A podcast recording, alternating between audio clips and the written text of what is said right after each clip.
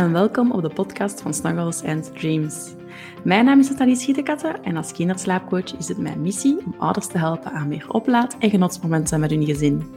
In deze podcast mag je tips verwachten van zowel mezelf als ook van andere experten over de onderwerpen slapen, voeding en opvoeding. En dit zowel voor baby's, peuters als kleuters. Alvast heel veel luisterplezier!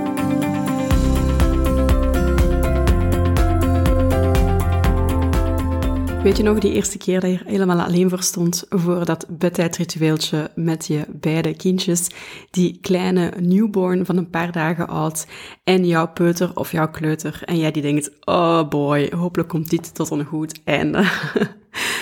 Het is echt wel zo dat je peuter of je kleuter extra opstandig kan zijn bij de komst van een broertje of zusje en dat het dus allemaal net iets moeilijker verloopt en dat je newborn op dat moment ook jouw aandacht vereist en dat je het gevoel hebt dat je in twee zou moeten splitsen. We've all been there. Al die mama's en papa's met twee kindjes die voor het eerst een bedtijdritueel alleen moeten doen. We've all been there. In deze podcast ga ik het met jou hebben over hoe ik bepaalde zaken heb aangepakt met mijn beide dochtertjes. Ik heb inderdaad twee dochtertjes en uh, ze schelen 3,5 jaar. Dus het is natuurlijk niet hetzelfde um, wanneer je bijvoorbeeld een peuter en een newborn hebt. Ik had echt al een kleutertje en een newborn, waardoor ik al best wel wat zaken kon verwachten van mijn oudste kindje om al het een en ander zelfstandig te kunnen doen. Als je natuurlijk een kleiner leeftijdsverschil hebt, dan kan het uiteraard wat moeilijker zijn. Maar veel hangt natuurlijk ook samen met de persoonlijkheid van je oudste kindje en in hoeverre je kindje wel of niet wil meewerken. Dus ik zei het al, ik had een newborn in combinatie met een kleutertje. En hoe dan ook, op een gegeven moment sta je er eens alleen voor, s'avonds. Je partner is misschien niet thuis, of is nog in een vergadering of zo. In elk geval, je moet het eventjes alleen doen. En dat is uh, spannend en je probeert je daar een beetje op voor te bereiden, maar vaak valt het echt wel beter mee dan je dacht. Het is belangrijk dat je vooral voor je oudste kind dezelfde structuur blijft volgen. Dus de newborn gaat dan eigenlijk een beetje de routine meevolgen van het oudste kind. Dus het oudste kind moet echt wel kunnen vasthouden aan de rituelen die hij reeds gewend is. Zoals bijvoorbeeld eerst op het potje gaan, dan de pyjama aandoen, dan de tandjes poetsen, dan een verhaaltje lezen en dan naar bed gaan. Dus dat hij eigenlijk dezelfde, um, hetzelfde stramien is elke keer, zodat je kindje weet van oké, dit gaat er komen. En je kan dit ook altijd gaan visualiseren voor jouw kindje om het gemakkelijker te maken om die zaken te gaan afvinken.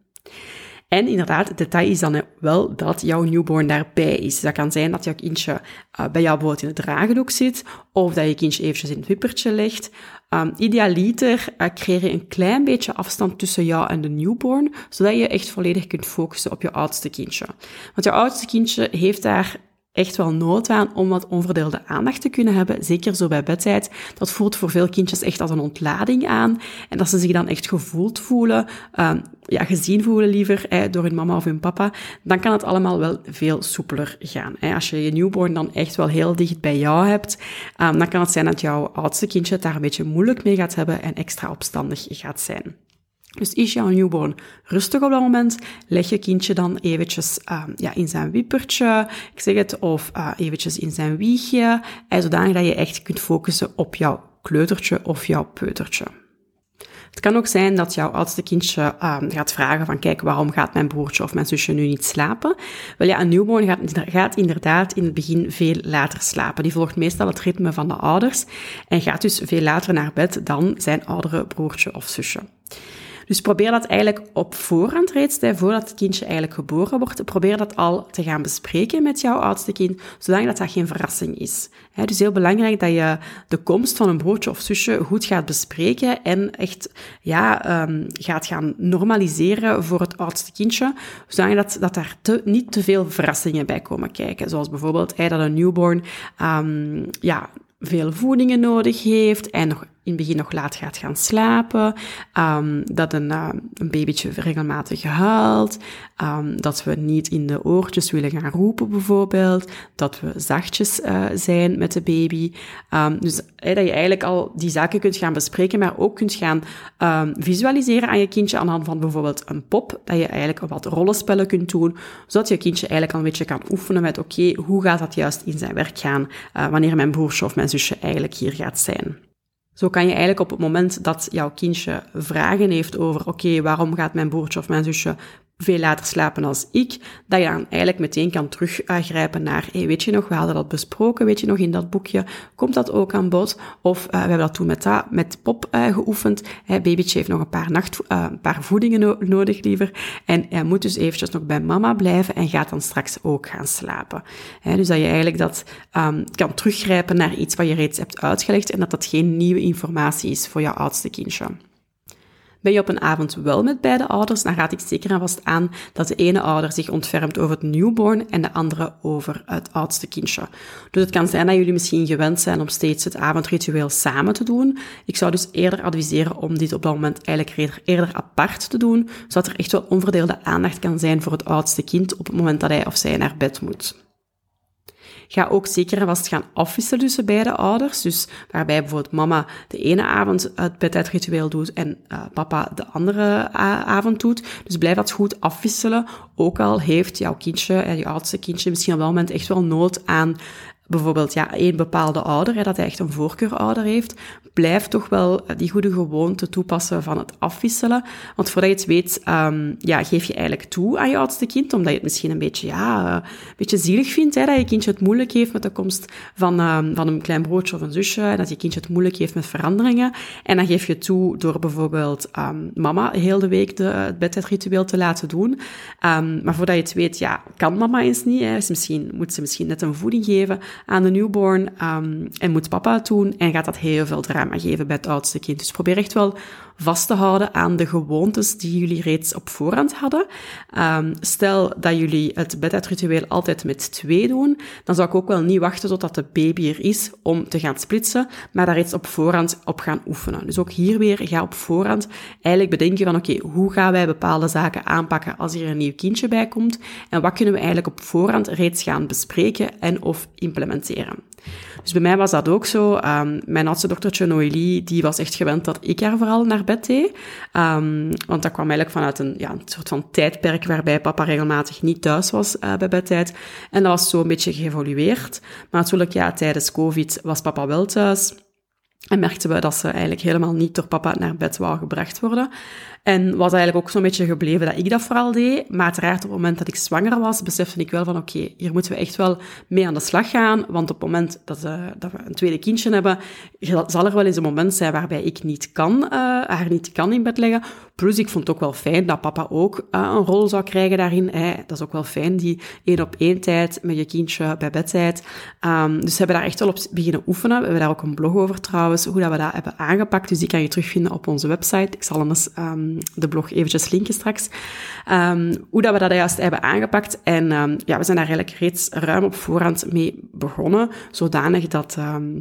Dat dat geen nieuw, ook, niet alweer een nieuw element was op het moment dat uh, het kleine broertje of zusje was. Dus probeer dat echt wel op voorhand reeds te gaan bedenken en implementeren, zodanig dat er niet te veel veranderingen hoeven te zijn in één keer. Natuurlijk, die newborn die wordt ouder. Dus op het moment dat dat een babytje is, kan het zijn dat die bedtijd van jouw babytje toch plots vroeger gaat zijn dan die van jouw peuter of kleutertje.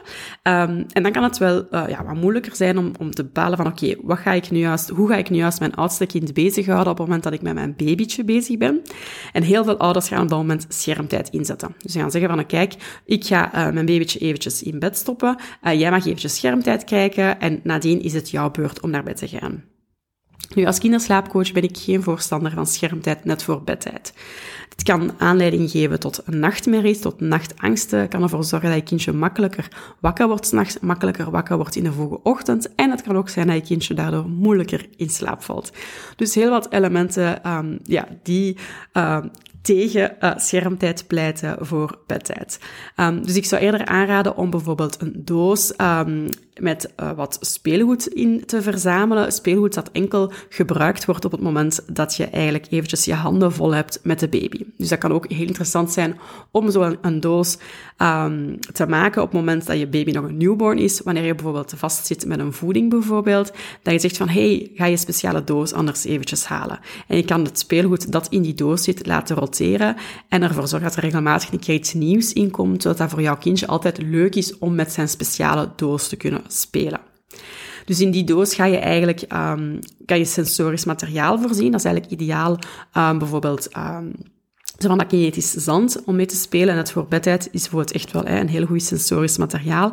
Maar je kan ook zeggen van oké, ik ga daar een puzzeltje in voorzien of iets van blokjes. Dus eigenlijk iets waar dat je kindje echt met zijn handjes kan gaan spelen. Of wat kleurgerief, wat stickers uh, om te plakken en dergelijke. Zodat je kindje eigenlijk ja, ongeveer een twintigtal minuutjes zich kan bezighouden hiermee. Voordat je eigenlijk um, ja, jouw oudste kindje dan naar bed kan doen.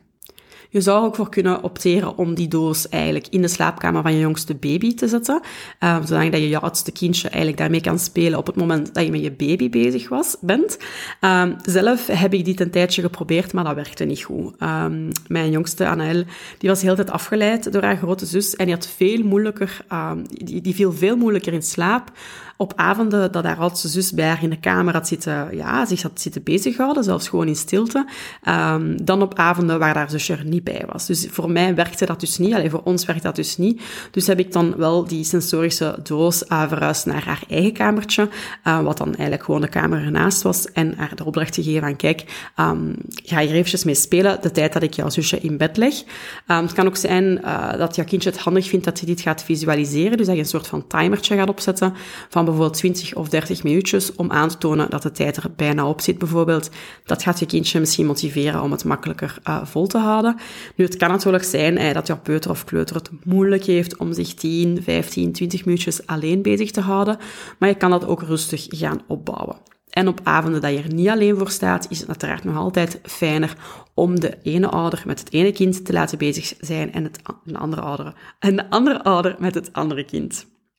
Maar op avonden dat je er dus alleen voor staat, leg je best gewoon de lat niet te hoog. En kijk vooral naar wat er werkt voor jullie kindjes. Zoals ik zei, um, de beide kindjes in dezelfde ruimte laten um, werkte niet voor mijn jongste dochter. Zij had het echt wel moeilijk op dat moment om te ontprikkelen. En dat vond ik natuurlijk wel een beetje zielig voor haar, want het was natuurlijk niet de bedoeling dat zij moeite zou hebben om in slaap te vallen. Dus dan probeerde ik daar eigenlijk een beetje een oplossing voor te vinden. En dan wordt die baby uiteraard een peutertje. En kan het zijn dat de routines van jouw beide kindjes een beetje gelijkaardig gaan lopen. Dus waarbij je oudste kindje bijvoorbeeld geen dutjes meer doet en een vaste bedtijd heeft van bijvoorbeeld half acht. En dat je jongste kindje wel nog een dutje doet, een middagdutje, en dat die bedtijd dan eigenlijk ook half acht is. Dus op die manier kan je eigenlijk die bedtijd gaan samenvoegen en het ritueeltje dus ook gaan samenvoegen. Dus we hebben heel lang eigenlijk twee aparte rituelen gehad. En het is ongeveer rond de leeftijd van, ik denk, 2,5 jaar, iets vroeger zelfs, twee jaar en drie maanden of zo, dat we eigenlijk de beide ritueeltjes zijn gaan samenvoegen. Dus uh, waarbij het eigenlijk daarvoor altijd apart was en het geschrankt liep, hè, waarbij we altijd de jongste eerst in bed stopten en vervolgens meteen nadien de oudste, zijn we dat eigenlijk gaan samenvoegen. En ja, kwam er een klein beetje rek op het feit dat de jongste ongeveer een tiental minuutjes later naar bed ging en de oudste weer een tiental minuutjes te vroeg naar bed ging. Maar dat is ook weer een beetje tussen aanhalingstekens, want allee, dat kan gerust een klein beetje uh, variëren. Dus dat was wel heel fijn. Dus we gingen gewoon samen naar boven. Samen werd de pyjama aangedaan. Samen werd er naar het toilet gegaan of op het potje gegaan. Samen worden de tandjes gepoetst. En dan mogen ze om beurt uh, een boekje kiezen. Want dat is eigenlijk nog steeds het geval nu bij ons. Hè. Nog, nog altijd doen we het uh, ritueeltje samen. En wordt er dus om elke dag um, om en om een boekje gekozen waaruit we voorlezen. En dat doen we dan op ons bed, samen gezellig. En dan na het boekje knuffelen we nog. En dan uh, gaan ze allebei naar hun bed. Ik leg de jongste in haar bedje, de oudste kruipt zelf in naar bed en dan ga ik nog eventjes bij de oudste langs om maar eventjes te knuffelen. Soms ga ik nog eventjes bij haar liggen en vertelt ze me nog ietsje en dan is het gedaan. En dat is echt wel heel, heel fijn om het te kunnen samenvoegen. Je bent, ja, het gaat gewoon ook vlotter uiteraard. Je hebt ook niet twee rituelen na elkaar doen. En ook de kindjes vinden het eigenlijk wel fijn om het samen te doen. Um, dus ja, ik vind het echt wel heel, heel, heel fijn. En ik ben blij dat we op dat punt zijn beland waar het nu gewoon uh, tegelijkertijd kan uh, verlopen. En um, dat is ook wel fijn dat een van beide ouders dan ook op dat moment eigenlijk de handen vrij heeft. Die kan eigenlijk al de keuken en dergelijke beginnen opruimen. En op het moment dat uh, ja, het bedtijdritueel achter de rug is, kan eigenlijk onze avond tussen aanhalingstekens starten. Dat kan zijn dat ik nog een avondje uh, blijf doorwerken. Dat kan zijn dat we gewoon lekker in de zetel kruipen. Um, het kan zijn dat we ja, gewoon nog wat bijpraten en dergelijke. Maar ja, het voelt veel meer als een ontlading van oké, uh, alles is eigenlijk al gebeurd um, ja, tijdens dat bedtijdritueeltje. Eh, omdat de ene of de andere ouder dan eigenlijk aan de slag is met uh, beneden eigenlijk al alles op te ruimen en klaar te maken voor uh, de volgende dag. En bij die overgang naar dat ene ritueeltje zijn we dus eigenlijk ook gestopt met die melkvoeding bij Anaël.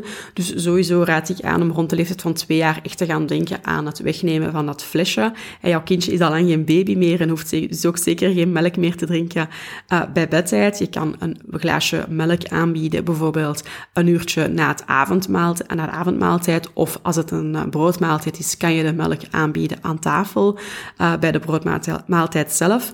En dus raad ik aan om dat flesje echt wel achterwege te laten bij die bedtijd. Dus ik weet dat heel veel ouders daar echt wel heel veel schrik voor hebben om dat af te bouwen. Um, er zijn ja, heel veel ouders die mij dan zeggen van, oh, maar mijn kindje is daar echt verslaafd aan. Dat is zo'n beetje zo zijn, zijn momentje om tot rust te komen.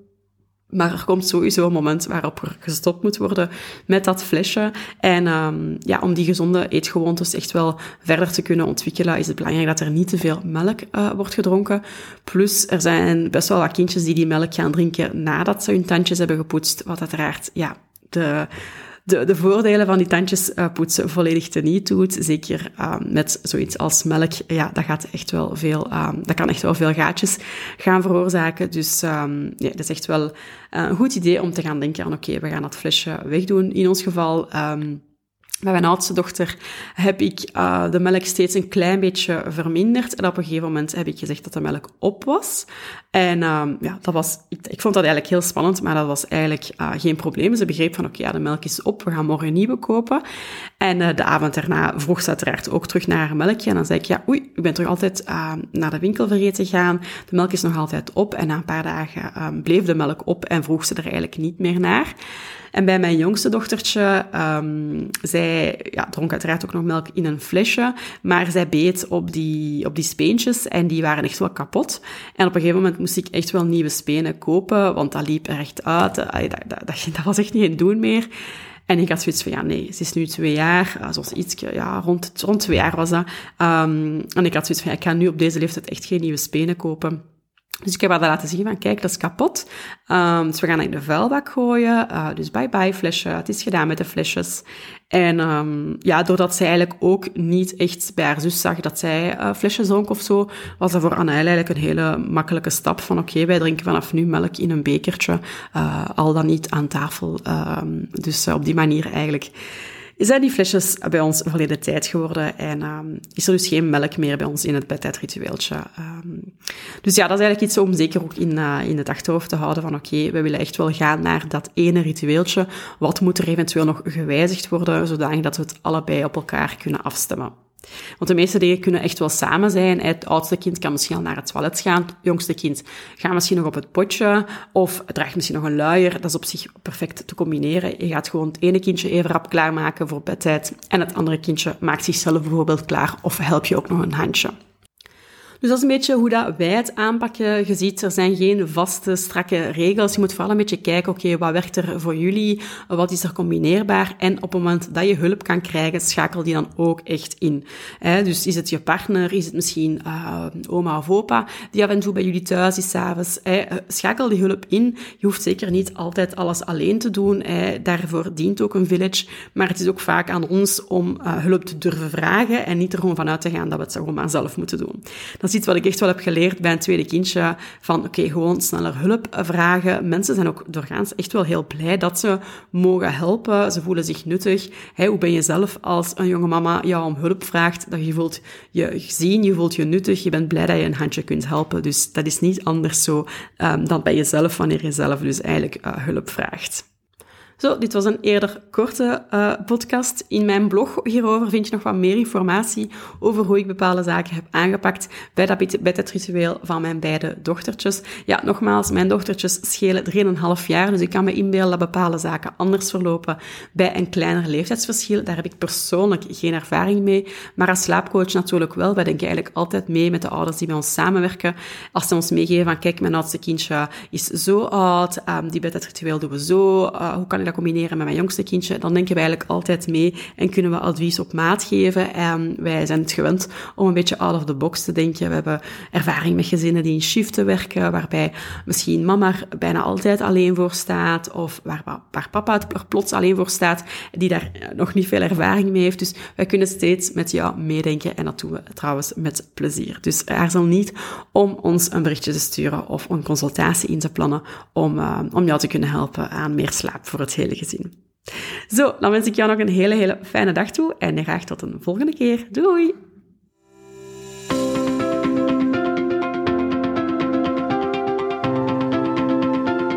Dit was het dan. Ik ben heel benieuwd wat je van de podcast vindt. Laat je het mij weten via een review of via Instagram. Je kan mij vinden via Dreams, waar ik trouwens ook dagelijks tips deel en een inkijk geef in ons dagelijkse leven.